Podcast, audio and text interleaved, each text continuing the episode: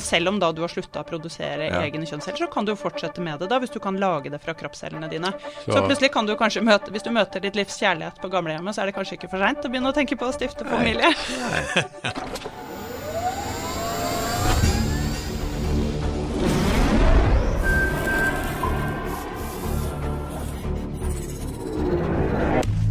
Velkommen til Teknisk sett, en podkast fra TU. Jeg, mitt navn er Jan Moberg, og jeg er her i studio med Odd-Rikard Valmot. Hei, Jan. Hei, Odd-Rikard. Um, vi er nok en gang inne på et av eh, et favorittema. Uh, vi snakker jo om fremtidsmennesket. Og eh, vi har Biologi. biologi og cellebiologi, og vi har fått med oss uh, forfatter eh, Sigrid Bratli. Eh, Hei. velkommen. Takk skal du ha. Eh, Du har akkurat eh, publisert en bok sammen med Halvard Kvale. 'Fremtidsmenneske hva den bio bioteknologiske revolusjonen betyr for deg'. Dette vet vi jo at Odd-Rikard er interessert i, og det er vi alle. Uh, temaet i dag er noe så spennende som fremtidsbarn. Hva tenker du, Odd-Rikard? Jeg tenker at uh, barn i fremtiden skal slippe en del uh, plager som eh, noen opp til i dag har hatt. Men det, Og at det blir lettere å lage barn Ja. for de som uh, ønsker det. som ønsker det, ja. ja. Eh, og det er jo det, sånn vi tenker på det, Sigrid. Men uh, hva, hva tenker du? Eh, altså, nå ser jeg på det litt fra sånn fagpersonperspektiv, da. Og det som jeg syns er veldig fascinerende, er jo at eh, f- selv om vi har hatt på en måte bioteknologier som har gjort det på en måte mulig å hjelpe folk å få barn, og få friske barn, ganske lenge, så er det jo fortsatt vært en del begrensninger som vi har måttet forholde oss til. Altså rent sånn biologiske begrensninger. For det trengs jo fortsatt en kvinne og en mann for å lage et barn på en eller annen Ja. måte. Og det genetiske lotteriet, det eh, har vi ikke så veldig mye kontroll over. Har ikke hatt det, i hvert fall. Nei, fram til nå. Ja. Men så kommer jo fremtidsteknologiene. Og da når man ser det på en måte i et sånn samfunnsperspektiv også, så ser vi jo det har vært masse diskusjon nå i våres om bioteknologi i forbindelse med at eh, Stortinget skulle eh, endre bioteknologiloven.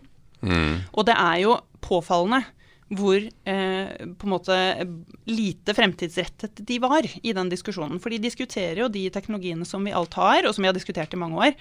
Og rett der framme så kommer det nå masse teknologier som Altså, de fjerner jo de biologiske begrensningene. Kanskje trenger vi ikke en kvinne og en mann for å lage barn. Kanskje kan likekjønna få barn sammen. Kanskje kan vi endre på genene til, eh, til barna våre. Hvordan skal du kontrollere det?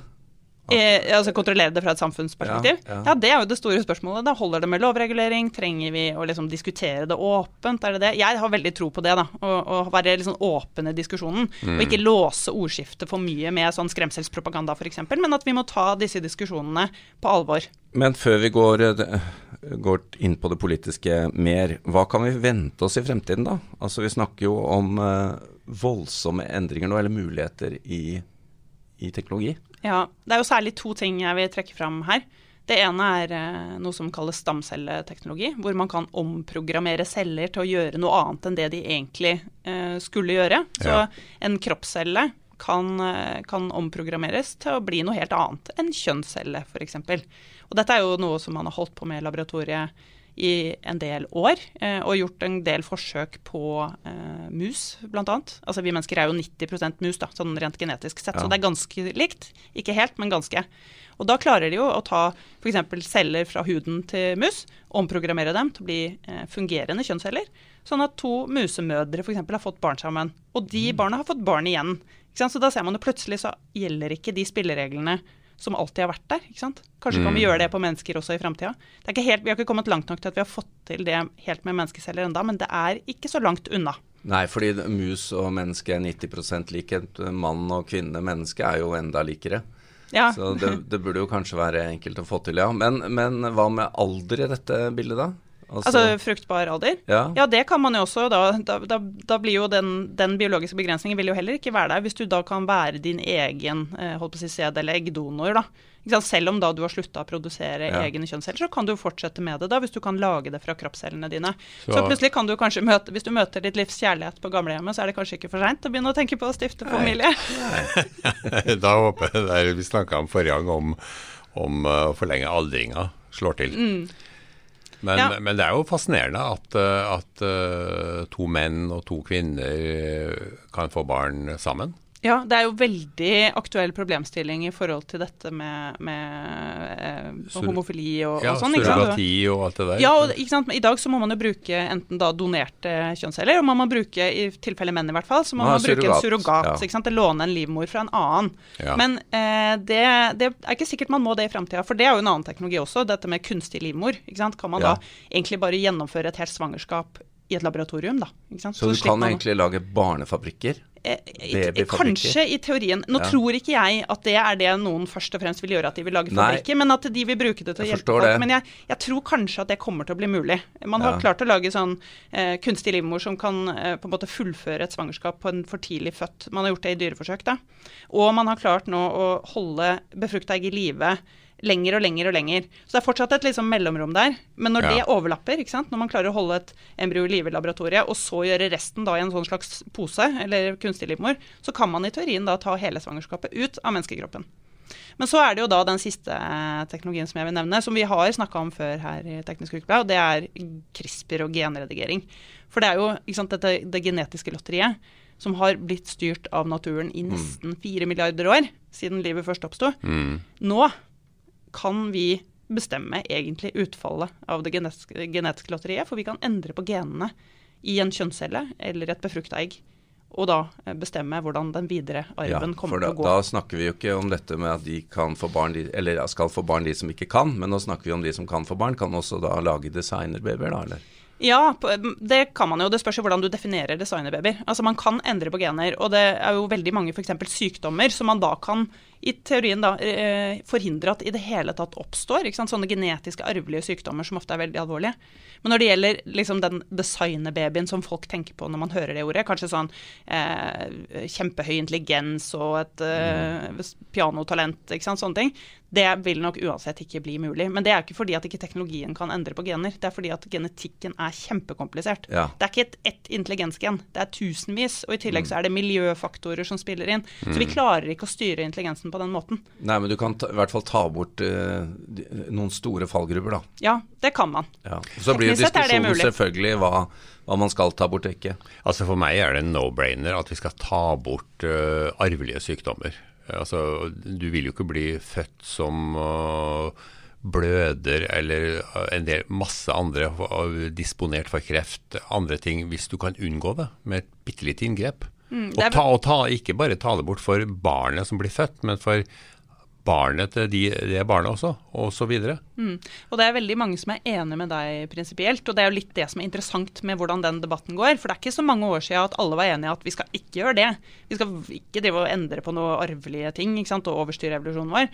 Til nå, noen få år senere, så er det egentlig ganske bred enighet om at hvis det er eh, trygt, for det gjenstår litt forskning før Ja. man ser at teknologien er Ja. god nok, hvis det er trygt, og det er noen som trenger det, som har alvorlig sykdom f.eks., så kanskje vi skal gjøre det. Og det er jo egentlig sånn historisk øyeblikk vi står i nå, på en måte. Eh, at vi skal ta det steget og, og, og bestemme vår egen evolusjon og, og skreddersy genene. Ja, Kan ikke du bare oppdatere oss, da? Hvor står vi eh, i dag på, på hva vi faktisk kan gjøre, hva som er trygt og ikke? Altså, Hvor langt har vi kommet? Ja, altså Det har jo vært testa en del i laboratoriet. Eh, og så ser man at det er noen sånne tekniske ting som man må løse. Det er jo bl.a. at man skal gjøre, få til akkurat det man prøver på, ikke liksom, hva skal jeg si, eh, slurve i, når man skal endre på et gen. At man ikke det blir litt annerledes enn man hadde tenkt, f.eks. For, eksempel. for det er det en viss risiko for. da. Så det er jo noe teknologisk utvikling. Eh, og så er det jo en del i forhold til For det er jo et steg å gå fra et laboratorium med et befrukta egg til å faktisk få et barn og se om det går bra. Så det steget der, det er også gjenstår litt. Selv om noen har jo selvfølgelig alt prøvd det. fordi de første CRISPR-babyene, de fins jo. Det er jo en forsker i Kina som bare gjorde Ja, det. det stemmer det. Han, han satte i gang på egen hånd. Men eh, det skal sies at alle var egentlig enige om at det skulle ikke ha skjedd. Det var altfor tidlig, og det, de barna hadde ikke egentlig noe medisinsk behov. Og det var mange ting som var problematisk med akkurat det. Likevel så sier folk at hvis vi, vi må bremse ned litt, vi må ikke gå så fort fram, men i framtida så kanskje vi skal gjøre det her. Men er ikke dette en utfordring? At eh, nå er det mange rundt om i verden som har mulighet til å, å begynne, uavhengig av lover og regler. Mm. Det kommer til, helt sikkert til å skje igjen. Eh, de kommer ikke til å snakke så høyt om det, sånn som Nei. han gjorde, han eh, kinesiske forskeren som trodde at han skulle få en nobelpris, nærmest. men, men de kommer til å gjøre det i skjul. Eh, fordi når folk har f.eks. alvorlig arvelig sykdom, så er de villige til å gå ganske langt. Og jeg tror det kommer Ja. til å bli et svartemarked for det.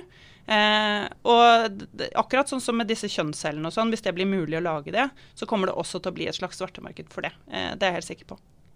Og så vil det etter hvert skli over i eh, politisk aksept, eh, sannsynligvis på litt lengre sikt. Ja, jeg tror jo at vi om et sånn, si et ti- tiår fram i tid, da, så tror jeg dette her vil skje noen steder i verden med myndighetenes godkjent-stempel. Det vil ikke være i Norge, antagelig. Vi er, ikke, vi er ikke klare for det heller om ti år, tror jeg. Det er for kontroversielt, men andre steder så tror jeg dette her vil være tillatt. Men vi må jo som nasjon eh, også ta inn over oss utviklingen, da. Altså vi, vi, vi, det er greit nok at ikke vi tillater eh, hele pakka, men, men vi må jo flytte oss. Ja, det må vi. Men det, det, som vi så nå, bare av de diskusjonene, i politiske diskusjonene rundt bioteknologi i våre, så var det jo Det var ingenting om det her, selv om dette allerede er liksom flytta seg Ja. i lyntempo internasjonalt. Og den debatten er kjempeviktig. Det er en av de største bioetiske debattene som går internasjonalt. Norge har liksom meldt seg helt ut, for vi er, vi er langt bak det, altså.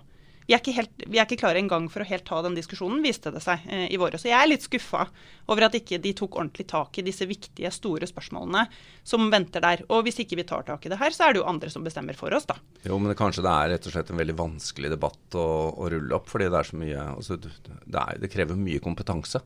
Det krever jo en del kompetanse, men til syvende og sist så er det jo noen veldig sånn grunnleggende prinsipper som er det viktige Ja. å diskutere. her, Skal vi gjøre det? Gitt at liksom, teknologien Si at noen andre tar seg av liksom, de tekniske tingene, men det prinsipielle i det, skal vi? Eller skal vi ikke? ikke sant? Og det, det syns jeg man må komme i gang med ordentlig i den diskusjonen. Jeg syns det, det, det er vanskelig å se for seg at noen skal argumentere mot at du skal fjerne en arvelig, en alvorlig arvelig sykdom eh, hos et barn. Hvis du kan, det, er, det- det er jo et stort spørsmål. Når skal du sette inn behandlinga? Når barnet er født, eller når barnet blir påbegynt? Men det er, det, altså det er litt forskjellig argumentasjon her, da. Men det er noe med det der etiske med å eh, overstyre eh, liksom de grunnleggende biologiske prinsippene. Og noen vil jo trekke fram sånn lekegud-type argumenter og sånn. Men eh, for mange så handler det jo om eh, dette med sorteringssamfunnet. Hvem skal få lov til å eh, hvilke tilstander og egenskaper skal vi ha i samfunnet? Og det vil være masse gråsoner der. Hva er alvorlig nok til å ta bort? I Russland så er det en forsker som planlegger å gjøre dette her på, for å lage CRISPR-babyer, Ja. eh, for å fjerne arvelig døvhet. Er det en egenskap som er alvorlig nok til at vi skal endre på en måte eh, genetikken til etterkommerne? Ja, det, det vil styre? noen av oss mene. Noen vil mene Ja. det, andre vil mene at det, det forsvarer ikke den typen bruk Nei. av teknologien. Kanskje er det liksom de helt liksom, mest alvorlige Og- dødelige sykdommene. Og den diskusjonen kan vi begynne på. Ja, den, og vi bør begynne på den diskusjonen. Og jeg, jeg, jeg mener at det, ja, Et- det blir viktig. Et annet tema vi snakker om fremtidsbarn, så har vi jo eh, lenge hatt uh, sædbanker og nedfrysing og egg og sånn. Hvilken rolle får det i fremtiden, da? Ja, det vil også bli eh, holdt på å si, viktig. Og det er jo det er noe vi ser også øker. altså Det at man kan eh, holdt på å si, utsette det å få barn i mye større grad. Altså man kan lage sine Ja, For å vente kjønnsceller. på teknologien? Eh, ja, ja, eller fordi man kanskje ikke har lyst på barn akkurat nå, så man kan fryse sine egne egg f.eks. Og så Ja. heller ta dem i bruk eh, seinere, da. Eh, det er også en mulighet. Eh, men, men du kan si at hvis vi da får teknologi som lar oss lage kjønnsceller akkurat når vi måtte ønske det, med stamceller, så kanskje trenger vi ikke egentlig uh, sædbanker og, og sånne ting heller. Ja, Eh, di- ikke sant? Disrupter du det forretningsområdet? ja, det er mulig, det. men da kan du heller få egne genetiske Ja, barn, da. men da må jeg, jeg må bare stille det spørsmålet, selv om det ikke egentlig hører hjemme her i dette temaet. Men vi har snakket om før nedfrysing. Altså du kan fryse ned egg og sædceller, men mennesker viser seg vanskelig å fryse ned. Ja, det er fordi at den eh, teknologien er jo ikke Altså, det, det er vanskelig å fryse ned en menneskekropp, og så at den skal være helt intakt. Ikke sant? Ja, det, det blir jo skader når du, Ja. når du fryser ned. Og tiner opp. Og så, ja. så det, det, vi er ikke, det er vi ikke helt klare for, i hvert fall. Yes, eh, fremtidsbarn. Hva, hva, hva ser vi for oss? Altså hvis du går inn og får gjort disse tingene, eh, hva endrer spesielt eh, eh, genetiske sykdommer og alvorlige ting, så vil jo levealderen kunne øke dramatisk. Ja, eh, og det må jo ses litt i sammenheng med liksom, de store demografiske endringene som vi allerede ser. Eh? Det er jo samtidig som faktisk fertiliteten går ned, eh, vi får færre og færre barn, Ja. så blir jo levealderen høyere og høyere. Og særlig når vi også da får gode bioteknologier som lar oss eh, behandle sykdom både holdt på å si, i livets begynnelse, men også ved livets slutt. Så vi vil jo se den, at den ubalansen på en måte fortsetter. Da. At vi vil få eh, flere og flere som lever lenger, og så eh, lavere fødselstall. Selv om vi får hjelp til å få barn, da, de som vil Og så blir vi så friske at pensjonsalderen blir rundt 100, tenker jeg. Ja, det, det tenker Det er jeg også. Ja. Ja. Nei, dette er et uh, veldig spennende tema. Vi får bare minne om at uh, du har en bok ute om fremtidsmennesket. Der uh, går det også gjennom begynnelsen av livet. Så der regner jeg med at det er mer informasjon å hente. Absolutt. Masse spennende. Eh, tusen takk, Sigrid Bratli, for at du kom innom. Takk til Odd Rikard, og takk til vår produsent Sebastian Winum Storvik.